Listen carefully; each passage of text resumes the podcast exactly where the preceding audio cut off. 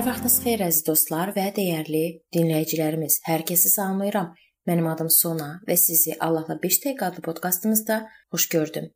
Bu gün və sabah mən sizinlə yeniyetmələr haqqında danışmaq istəyirəm və onların böyüməsi haqqında. Luka 2:52-də yazılıb: İsa böyüyürdü və hikmətdə artırdı. O Allahın və insanların qarşısında lütf qazanırdı. İsa Məsihin uşaq və yeniyetməlik dövrü müqəddəs kitabda cəmi bir neçə qısa ayədə təsvir olunur. Və mən dediyim bu Luka 2-ci fəsildəki şərh Pasxa bayramında İsa'nın Yeruşalimdə məbədi ziyarət etməsinin təsvirindən sonra verilib. Onda onun 12 yaşı var idi. Təkcə bu ayə indi yeniyetməlik dövrü adlandırdığımız dövrə əhatə edir. Bu ayədəki sözlər bu gün hər bir yeniyetmə üçün şüar rolunu oynaya bilər. Yeniyetməlik dövründə 6-7 il çox sürətlə keçir. Bu illər mənəvi yetkinlik, fiziki inkişaf və həyat təcrübəsi qazanmaq istiqamətində geniş imkanlara malikdir. Necə ola bilər ki, eyni şüar yeniyetməliyin aşağı orta və son dövründə olan hər bir yeniyetməyə eyni dərəcədə aid olsun? Burada açar söz böyüyürdü. Konkret yaşdan asılı olmayaraq hamı üçün eyni çağırış səslənir: böyümək. Nə üçün insanın yalnız yeniyetməlik dövrünə diqqət yetirməli? Çünki bu illər gələcək həyatda uğur qazanmaq üçün özül rolunu oynayır. Bu illər bir çox hallarda uşaqlıqdan yeniyetməlik dövrünə keçid yolunda rastlaşdığımız mürəkkəb və fırtınalı narahatlıqlarla müşahidə olunur. David Burkholder qardaş Yeniyetmələr, güclü olun kitabının 1-ci fəslində belə yazır: Siz gənc insanlar fövqəladə məsuliyyətli vəziyyətdəsiniz. Heyran edicidir ki, uğur və ya məğlubiyyətə aparan alətlər sizin öz əlinizdədir. Qarşıdakı bir neçə ildə qərarlar qəbul edəcəksiniz. Bu qərarlar ya sizi Allah yoluna, ya da cismin və şeytanın qulu olmaq yoluna çıxaracaq. Bu zaman qəbul edəcəyiniz qərarların nəticəsi sizi ömür boyu müşahidə edəcək. Buna görə də qarşıdakı bir neçə ilə sadəcə barmaq arası baxa bilməzsiniz. Hikmətdə böyümək, hikmət, müdriklik sadəcə bilik yığınından böyük bir anlamdır. Müdriklik lazımi biliklərin vaxtında və düzgün tətbiqindən ibarətdir. Müdriklik haqqında Süleymanın məsələlərində çox danışılır. Bu məsələlər Süleyman məsələləri 1-ci fəsil 4 və 5-də yazıldığı kimi cahillərə uzaq görənlik, gənc oğlana bilik və dərrakə verir. Qoy hikmətli qulaq asıb müdrikliyini artırsın. Dərrakəli adam sağlam məsləhət alsın. Hikmətdə böyümək üçün gənc adam Allahdan qorxmalıdır. Rəbb qorxusu biliyin başlanğıcıdır, amma səfihlər hikmət və tərbiyəyə xor baxır.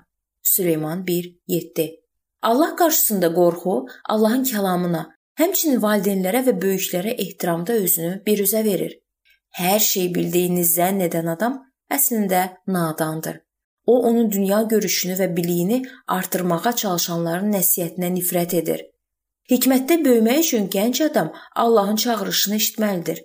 İsa'nın cəmi 12 yaşı olsa da, artıq dərk edərək atasına xas işlərlə məşğul idi. Məsihin ardınca getmək və onun işini görmək üçün yeniyetmə çox gənc hesab edilə bilməz. Onun üçün ilk addım həmişə Allahın çağırışına cavab vermək olmalıdır. Bəzən gənclər özlərinə sual verirlər: "Rəbb bu günlər insanlara necə çağırış edir?" Allah o vaxt cəmi 12 yaşı olan Şamueli çağırdı. Əvvəlcə Şamuel onu Allahın çağırdığını anlamadı və haqlı olaraq düşündü ki, onu səsləyən Elidir. Lakin Allah səbirlə Şamueli çağırmaqda davam edirdi. O vaxta kimi ki, Elenin məsləhəti ilə səsin Allahdan gəldiyini anladı. Allah insanları həmişə eyni üsulla çağırmır, lakin diqqətli olsanız, onun səsini mütləq eşidəcəksiniz. Allahın çağırışı sizin üçün elə səslənə bilər ki, onun qarşısında günahlı vəziyyətdə olduğunuzu və öz gücünüzlə günaha qalib gələ bilməyəcəyinizi dərk edə bilərsiniz. Bəzən insan öz günahlı vəziyyətini dəqiq anlayır. Baxmayaraq ki, həmin an hər hansı günaha bulaşmayıb. Belə vəziyyət daim adamda qıcıq və məyusluq yaradır. Bu isə Allahın ona daha yaxşı və yeni həyata çağırdığı anlayışına yol açır. Şamuelin çağırılması bir dəfəlik hərəkət değildi. müəyyən mənada onunla nə baş verdiyini aydınlaşdırmağa və anlamağa kömək edən prosesidir. Yadda saxlamalıyıq ki, Rəbb bizi lazım olan qədər çağıracaq. Lakin eşidib anlayanda ki, Rəbb bizi çağırır, onun çağırışına dərhal cavab verməliyik. Əgər Allah sizə Rəbbidən qorxan valideynlər qismət edibsə, onlar sizə özünüzü tanımaqda kömək edə bilərlər.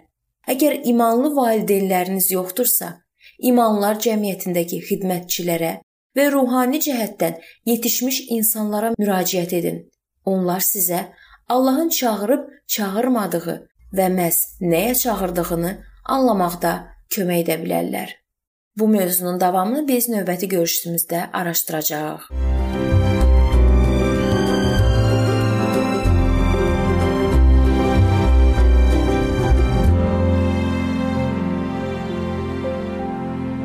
Beləliklə əziz dostlar, bu yerdə bu mövzu sona çatdı. Hər zaman olduğu kimi sizi dəvət edirəm ki, bizim podkastlarımızı Facebook səhifəmizdən və YouTube kanalımızdan dinləməyə davam eləyəsiniz. İndi isə mən sizinlə sağollaşıram və növbəti görüşlərdə görmək ümidi ilə sağ olun, salamat qalın.